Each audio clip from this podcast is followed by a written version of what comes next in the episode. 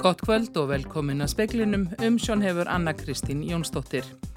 Viðskipta og neytendamallar á þeirra út til okkar ekki að lækka arðsemiskröfu á landsbankan sem er í ríkiseigu og þannig kostna neytenda.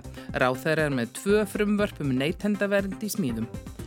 Ekkert er því lengur til fyrirstuða 43.000 tonn af brennanlegum úrgangi verið fluttur til Svíþjóðar eftir úrskurð kærunemdar útbóðsmála. Þetta er umlega helmingur þess sem fjall til í fyrra. Júni hefur ekki verið hlýrri og júli ekki þurrari frá upphafi mælinga en í sumar. Formaður félags framhaldsskólakennar telur hugmyndir um saminningu framhaldsskóla séu ekki vel grundaðar og of hartkerðar. Saminning verkmentaskólans og mentaskólans á Akureyri gæti orð til þess að yfirbyggingin verði flókin og mannfreg nærværi að styrkja samstarf skóla en samina. Þrýr eru grunaður um að hafa kveikt í bíl lauruglukonu miðjan ágúst. Sangkvæmt upplýsingum fréttastofu voru sex handteknir í tengslum við rannsókmálsins, eitt þeirra úrskurðaður í nokkura daga gæsluvarðald. Hann er lausur haldi. Máls atvik er á nokkru leiti ljós og vitað hvaða tveir menn kveiktu í bílnum. Eftir því sem fréttastofa kemst næst, leikur grunur á að máli tengist skipulaðri brotastarsemi. Ólafur Þór Haugsson, hér að saksóknari, vil, vil lítið tjásugum álið en segir að rannsók miði ágætlega. Hún hefði verið samstarfsverkefni embættisins, lögreglunar og höfðborgarsvæðinu og ríkislauglustjóra. Í kveikjan væri litin alvarlegum augum og rannsókn hennar hefði forgang. Lilja Alfredsdóttir, viðskipta og neytendamálar á þeirra út til okkar ekki að lækka arðsemiskröf á landsbankan sem er í eigu ríkisins og með því kostnaði neytenda. Þetta sé stórt mál sem skipti miklu máli inn í vetturinn. Hún er með tvö frumvörpum neytendavernd í smíðum. Já, ég er með tvö frumvörp til þess að bæta og ebla neytendavernd í landinu og við höfum núna verið sagt, bara í sérstakri stefnumótun og höfum verið bæði að styðja við rannsóknir sem tengjast neytendavernd og núna nýverið gaf mitt ráðanit út skýslu sem tengist fjármálakerfinu og þar eru mörg atrið sem við hefum eftir að fara inn í og eh, beit okkur í til þess að lækka þann kostnað sem fylgir íslensku fjármálakerfi. Landsbankin er nánast öllulegt í eiguríkisins og Íslandsbanki að tæpum helmingi. Væri hægt að lækka arðsæmiskröfu á bankan og þannig kostna neytenda? Ég til að við höfum að skoða alla möguleika og þennan möguleika líka. Þannig að Landsbankin myndi þá kannski leiða þetta sem einhvers konar samfélagsbanki? Já, við eigum eftir að skoða það frekar en ég útiloka ekkert í þessum efnum en þetta er mjög stórt mál og skiptir miklu máli inn í komandi vetur sagði Lilja Alfredsdóttir, Benedikt Sigursson talaði við hana. Breytingar á sorphyrðu á höfuborgarsvæðinu hafa skilað því að 75% af lífarænum úrgangi feri þar til gerðar tunnur. Þetta er betri árangur en sorpa gerðir áð fyrir. Ekkert er því til fyrirstöðu að rúmlega helmingur af brennanlegum úrgangi fari úr landi. Sorpa tók í júni tilbóði stenar í sæklingi Svíþjóðum og tökku á um 43.000 tonnum af brennanlegum úrgangi frá höfuborgarsæðinu. Tilbóðstena var 35% um undir kostnæðar á allum sorpu. Tilbóð Íslandska gámafélagsins var einnig undir kostnæðar á allum en fyrirtæki kerði tilbóðstena til kærunendar útbóðsmála sem aflétti kærunu í gær. Samningurinn er til nokkuru ára. Þetta er samningur sem hleypur á nokkrum miljörðum og með þessu þá erum við að koma öllum þessum úrgangi úr urðun sem er það versta sem hún getur gert við úrgang í brennslu. Segir Gunnar Dófri Ólarsson samskiptastjóri í Sorpu. Í fyrra það voru urðuð einhver 60 og 7000 tonna úrgangi og þú ser að ef þú tekur 43.000 af því þá er ekki mikið eftir. Breytingar á sorpyrðu og höfuborgarsæðinu hafa vantalega ekki farið fram hjá neinum. Er hægt að sjá breytingar á meðferð sorpsins? Já, við sjáum strax núna það er að verða, er að verða verulegu samdráttur í magni af lífrænum úrgangi og maturleifum í blönduðu þurrunni. Síðast þegar ég skoða þetta þá sjáum við að 75% af þeim maturleifum sem áður endur í blönduðu þurrunni fara núna í réttan farveg í maturleifarnar, í sérsöfnuðu þurruna. Þannig að við sjáum í rauninni miklu meiri árangur heldur en við hefum þórað að vona bara strax við innleggingu. Saði Gunnar Dófri Ólafsson, Arnar Björnsson talaði við hann. 17 hið minnsta byðu bana í árás Rúslandshers á markað í bænum Kastandnivakka í Donetski austurhuta Ukrænu síðdeis. Fjöldi fólks var á markaðnum þegar árás sem að gerð, eitt barni meðan látin og yfir 30 særðust. Fjöldi bíla brann og markaðurinn er í rúst, þar vorum 20 verslanir. Þegar fregnir bárust á Arosni var Mette Fredriksson forsættisra á þeirra Danmörkur í ofinberi heimsókn í Kíef og hún vottaði fórsetta landsins samúð sína. Algjör viðsnúningur verist á orðið og viðþorfi almennings í garð flóttafólks með að við niðurstöður nýrar könnunamaskinu sem að byrtist á vísi í gær. 60% aðspurðra telja of marga hafa fengið hæli á Íslandi rúmlega tvöfalt fleiri en undarfarn ár. Jón Sigurðsson, formaður félagstalsmanna umsækjenda um alþjóðlega vernd, telur að engum tvent geti útskýrt þessa kúvendingu. Annars vegar hafi tölvert fleiri sótum vernd á Íslandi en á COVID-árunum og fyrir þau. Í öðru lægi hafi þetta verið mikið í umræðinni undanfarið.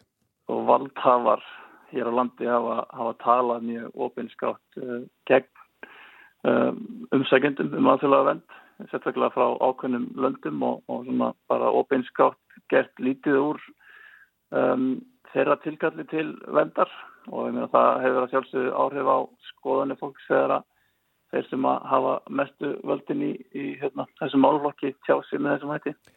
Maskína gerði konunina um mánaðamótin. Undan farna mánuði hafa málefni flótafólks og umsækjanda um alþjóðlega vernd verið mikið í umræðunni. Bjarni Benediktsson, formaður sjálfstæðisflokksins, sagði fyrir ríkisráðsfund á bestastöðum í sumar að þingið hefði brugðist í að afgreiða útlendingamál og kostnaður við málaflokkin væri farin upp úr þakkinu. Samkvæmt könuninni töldu átta af hverjum tíu stuðningsmönnum sjálfstæðisflokksins of margt flóttafólk hafa fengið hæli á landinu. Rúmlega 70% kjósenda framsóknarflokksins og flokksfólksins töldu það einnig sem hún er allir kjósendur miðflokksins sem tóku þátt í könuninni. Kjósendur annara flokka voru mun jákvæðari í garð flóttamanna, segir á VF Vísis. Róbert Jóhansson sagði frá. Kona sem lést af slísförum á vopnafyrði aðfarnótt 4. september hétt Violetta Mítúl. Hún var 26 ára. Violetta var frá Moldófu og leik fótbolta með einherja á vopnafyrði í sumar. Bæna og ljósastund verður haldinn til minningar um hana á vopnafyrði annað kvöld.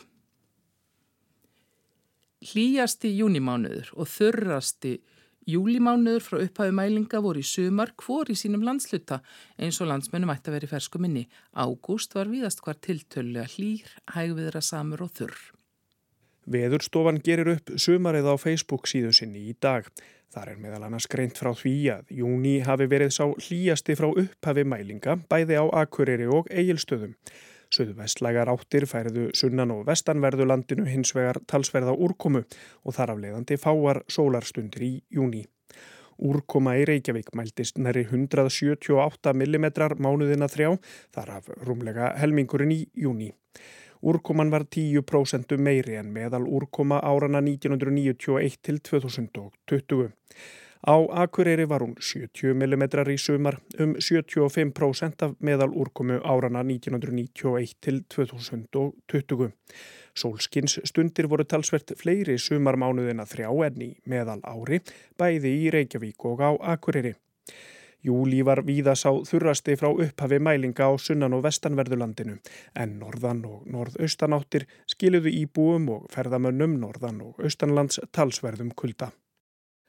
Robert Jóhansson tók saman. Hljómsveitin Rolling Stones gaf í dag út fyrsta frumsamda lagiði áttjána ára og nefnist það Engri.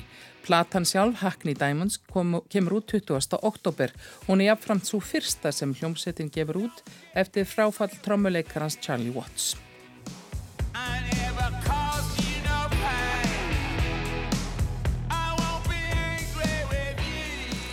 Smáskífan og myndband við læfa kynnt sérstaklega í Hakni í austur hluta Lundunar í dag og heyrist það hér hljóma undir.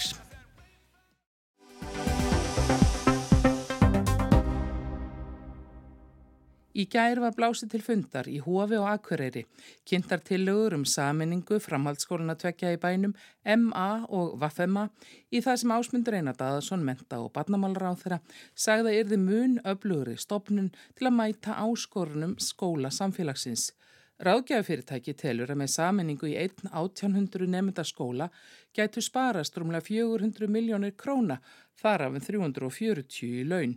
Skólameistarar Beggjaskóla hafa tekið frekar vel í saminningu en ekki líst öllum vel á.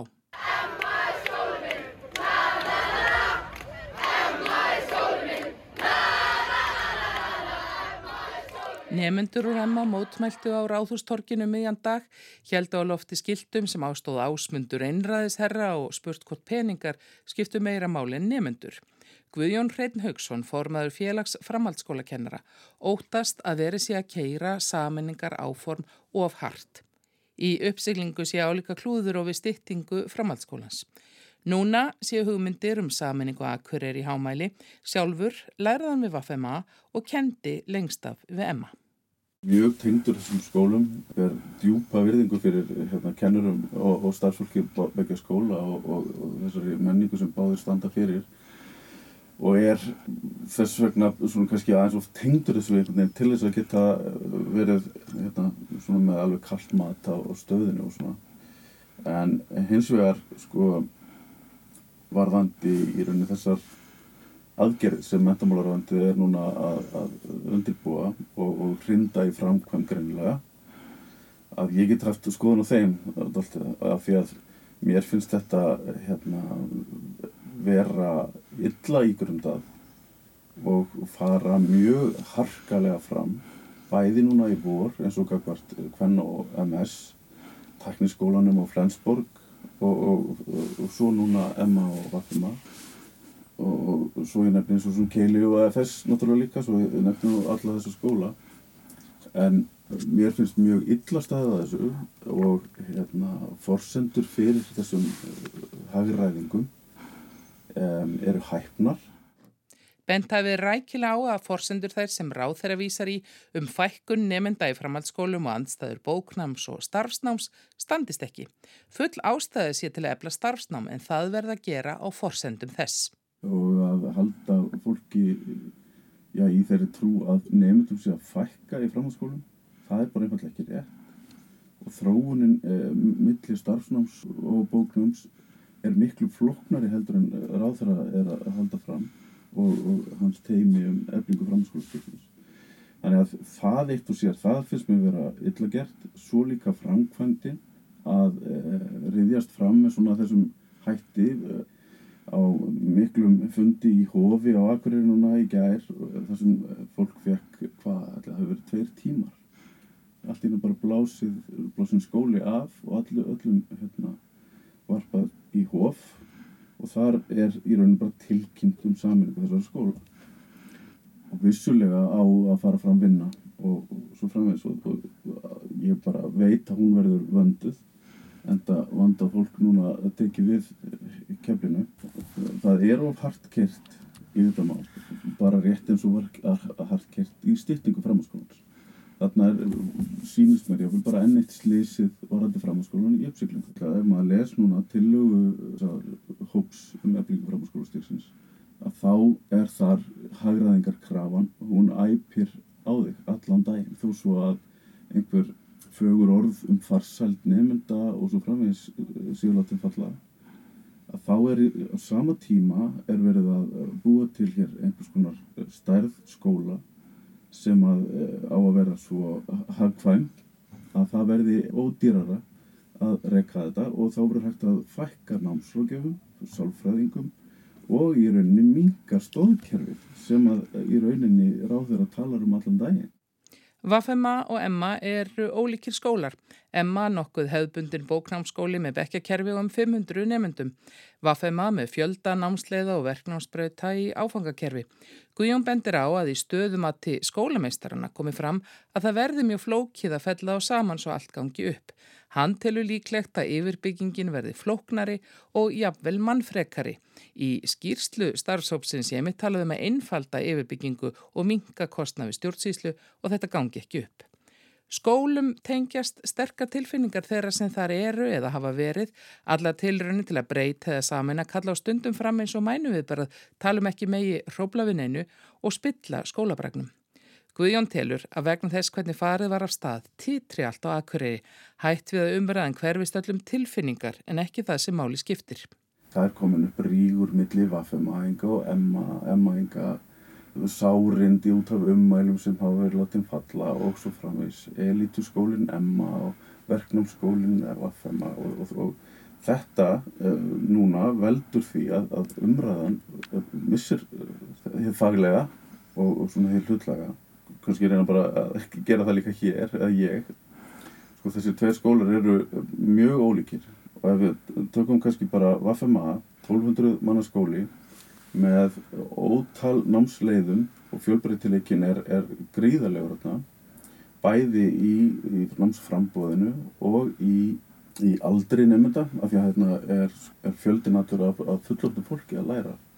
Og, og þetta er sérstað þessa skóla á Akureyri núna kemur fram þessi skísla um að þessi 1200 uh, manns séu óhagkvæm stærð. Hvað segir það um aðra skóla á landinu? Hann telur að sameiningar hugmyndir gangi helst út frá því að stækka bekki, koma fleirum fyrir húsnæði og fækka kennurum þrátt fyrir ummæljum að enginn missi störf og telur að nær væri að styrkja samstarf millir skóla og eigin forsendum það hafi tölvert verið af slíku til dæmis á Norðurlandi. Vafema, Emma, Laugar, Húsavík, Tröllaskæi og Söðurkrókur í og með líka. Samvinnan hann hefur verið mjög mikil. Svo má ekki glemja tónlistaskólanum Akureyri, háskólanum Akureyri.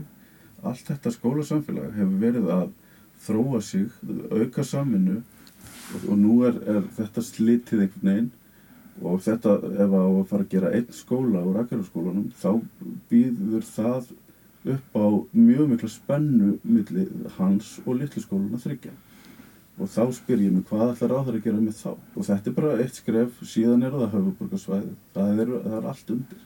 Og mér finnst þetta mjög harkalega gert og, og algjörlega án samráðs við kennararsamfélagi svo það sé bara sagt líka. Og nefndur Sagði Guðjón Hrein Haugsson formaður félags framhaldsskóla kennara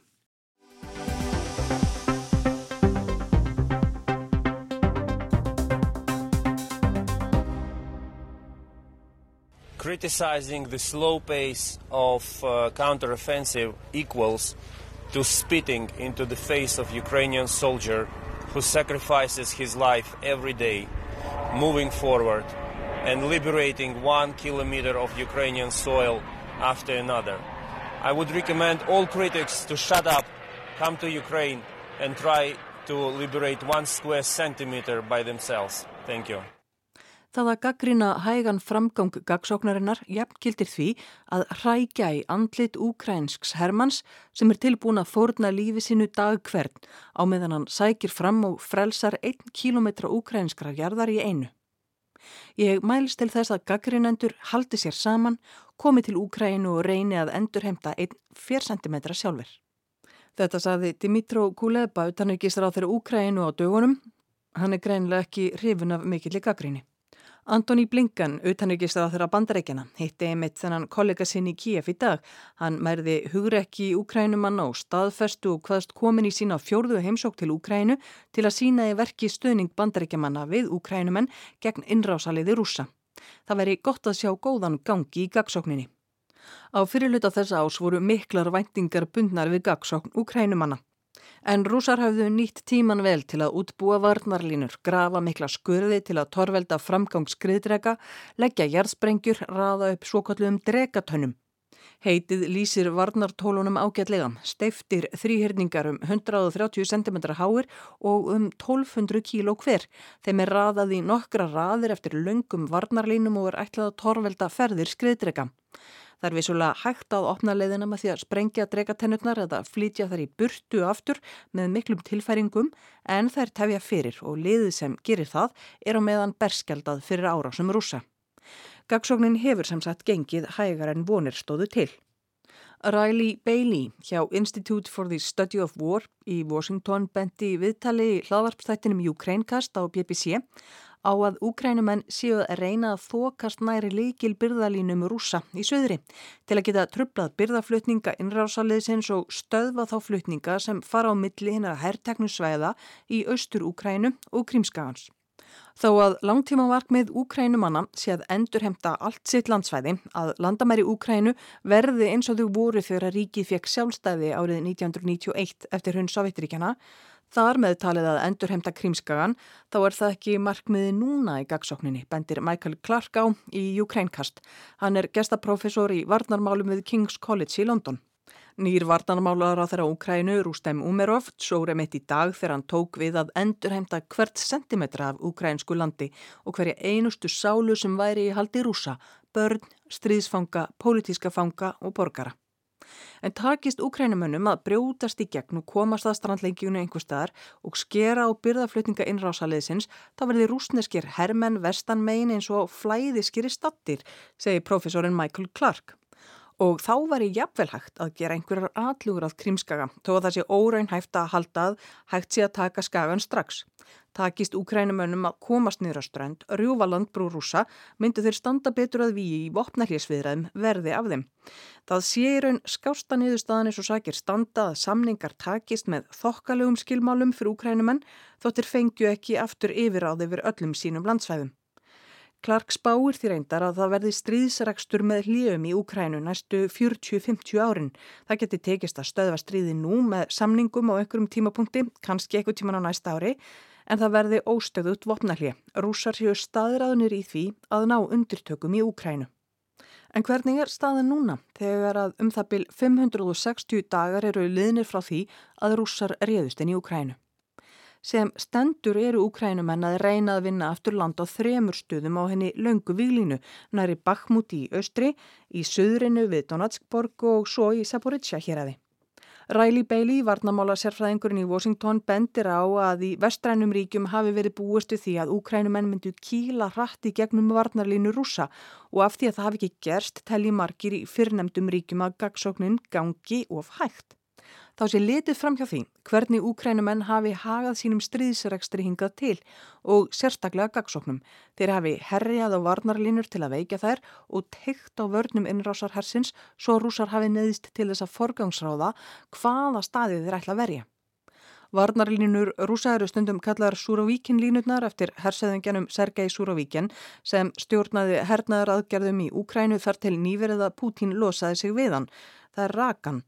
Og þessar varnarlínur eru þrjár. Úkrænumenn hafa brotist í gegnum fyrstu varnarlínuna sem rússar settu vist mesta púðrið í og sáldruðu jærsprengjum eftir. Hluti annarar varnarlínunar sem þykir jafnframt sterk mun vera fallin en svo þriðja stendur.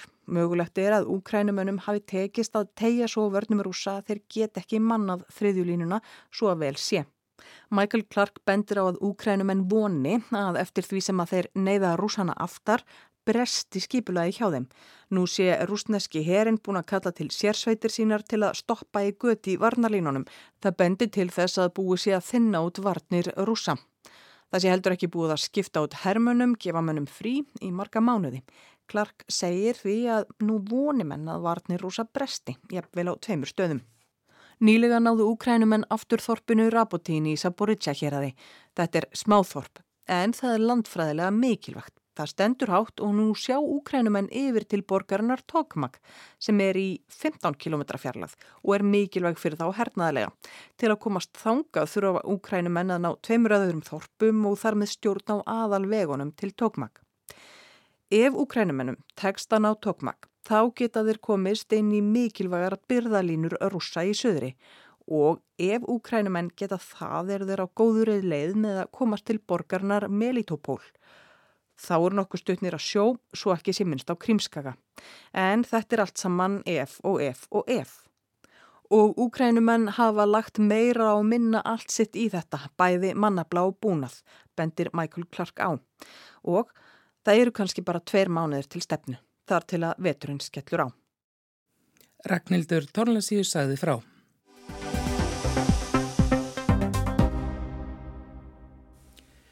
Fjórði norski ráþerran lendir á stuttum tíma í vanda vegna brota á reglum um hæfi.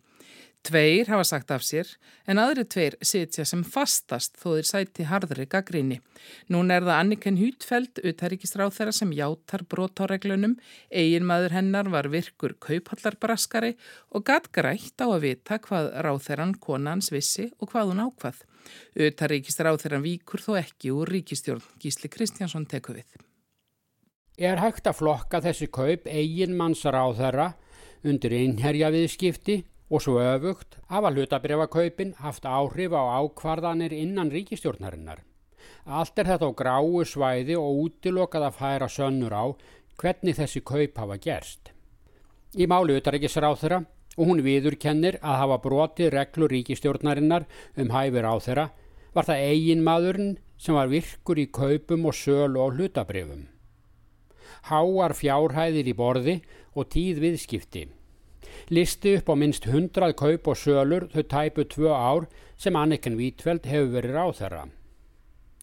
Eginmaðurinn gæti flokkast undir kauphallarsbáman eða braskara sem veðjar á Ímis bref frá degi til dags. Utaríkisrátra sver og sárt við leggur að hún hafi ekkert vita um þetta tómstundagaman eiginmann síns og að hann hafi haldið því leindu fyrir henni til ekki kæm upp efi um hæfi hennar sem ráð þeirra. Þó fjallaði hún í ráðunetti sínu og í ríkistjórn um mál sem hafðu mikil áhrif og gengi í missa hlutabrefa. Þar á meðal eru bref í vopna vestmiðuna á Kongsbergi. Þar eru framleitir eftirsóttir í hlutir í stríðstól sem meðal annars eru notuð í átökunum í Úkrænu. Hlutabref í þessu fyrirtæki hafa hækkaði verði eftir því sem spurn eftir stríðstólum hefur aukist. Ríkistjórnin og utaríkisráþra hveða áum hvort og hvenar er samið á sölu og framleiðslunni. Þetta eru stórpólitískar ákvarðanir og viðkvæm utarengismál. Eitt sinn í ár var utarengisráþara á samt fleiri ráþörum á fundi á Kongsbergi. Þessi fundur var ekki á allra vitorði en það fengist við hernaðarlendarmál í versmiðunni. Þó vissi eigin maður ráþara líkast til um ferð konusinnar. Hann keifti bref í vopnavesmiðinu tveimur dögum síðar og áður en að tilkynnt var um nýjan samning á sölu til Úkrænu. Úlabortin Mó fyrir um mentamálar á þeirra var líka á þessum fundi. Hann keifti líka bref í vestmiðunni tveimur dögum síðar. Hann játaði svo strax að þetta var í brot á reglum um hæfi og sagði af sér þegar í stað. Efnahagsbrotar lögreglan rannsaka nú hvort aup Ólabortin Mó megi flokka undir innherjaviðskipti. Öðru máli gegnir um utanrikisráþura, hún vissi ekki hvað eigin maðurnu var að bauka í kauphöllinni eða svo segja þau hjón bæði. En þetta getur að sögn sérfróðra einni flokkast undir innherja viðskipti þótt því sé trúað að eigin maðurinn hafi haldið sínum viðskiptum leindum fyrir konusinni. Hann vissi að hún fór á fund í vopnaversmiðunni, vissi sem aðrir að það er stríð og vissi um mikla ásokn í framleiðslu versmiðunar Það er ef utanrikisráþra heimilar sölu á dótin úr landi. Kaupallarsbámaðurinn er því ekki lengi að leggja saman tvo og tvo veðjar á að hlutabriði vesmiðunni hækki eftir þessa ferð konusinnar. Þó þurfa þau hjón alls ekki að vara rætt um kaup á þessum brefum sín á milli við eldhúsborðið. Viðskipti eigin mannsins bendust líka að brefum í lagseldisfyrirtækjum Ákvarðanir ríkistjórnarinnar um grunnrendu skatt á lagseldi hafa áhrif á verð brefa þar. Samir að segja um flugfélagi Norvítsjan sem bjargað var með ríkistyrk á tímum pestarinnar. Egin maðurinn kefti líka þar. Í norsku reglunum um hæfi ráþara segir að ráþara bera að afla upplýsinga um að hæfi sitt. Þar dugar ekki að segjast ekki hafa vitað. Ráþara á að vita hvað fólk í fjölskyldunu er að bralla í leinum. Samúðin er augljóslega með utarækisráþur í þessu máli því eigin maðurinn sagði henni ósatt. En samt þykir ekki einleikið að fjóri ráþherrar hafi sumar orðu uppvísir að takmörkuðum skilningi á reglum um hæfi ráþherra. Það snýst bæði um hlutabregaviðskipti og frænd og vinahyggli. Tveir eru farnir úr ráðunetnum sínum en tveir sitja tæft þar á meðal Anniken Vítfeld utanikisráþara.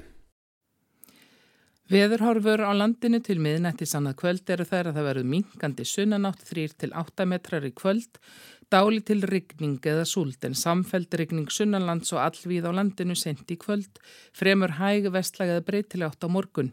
Það dregur og regningu fyrirpartin fyrst vestan til og dál til væta í flestum landslutum síðdeis, vaksandi sunnanátt annað kvöld og fer að regna á söður og vesturlendi hiti 8 til 16 stig og hlýjast norð-austanlands. Fleir er ekki í speklinum í kvöld, tæknimaður var Mark Eldred, Anna-Lísa Hermannsdóttir stjórnaði frétta útsendingu, frétti næst í sjónvarpa og rást 2 klukkan 7 og fréttir alltaf á vefnum. Veriði sæl.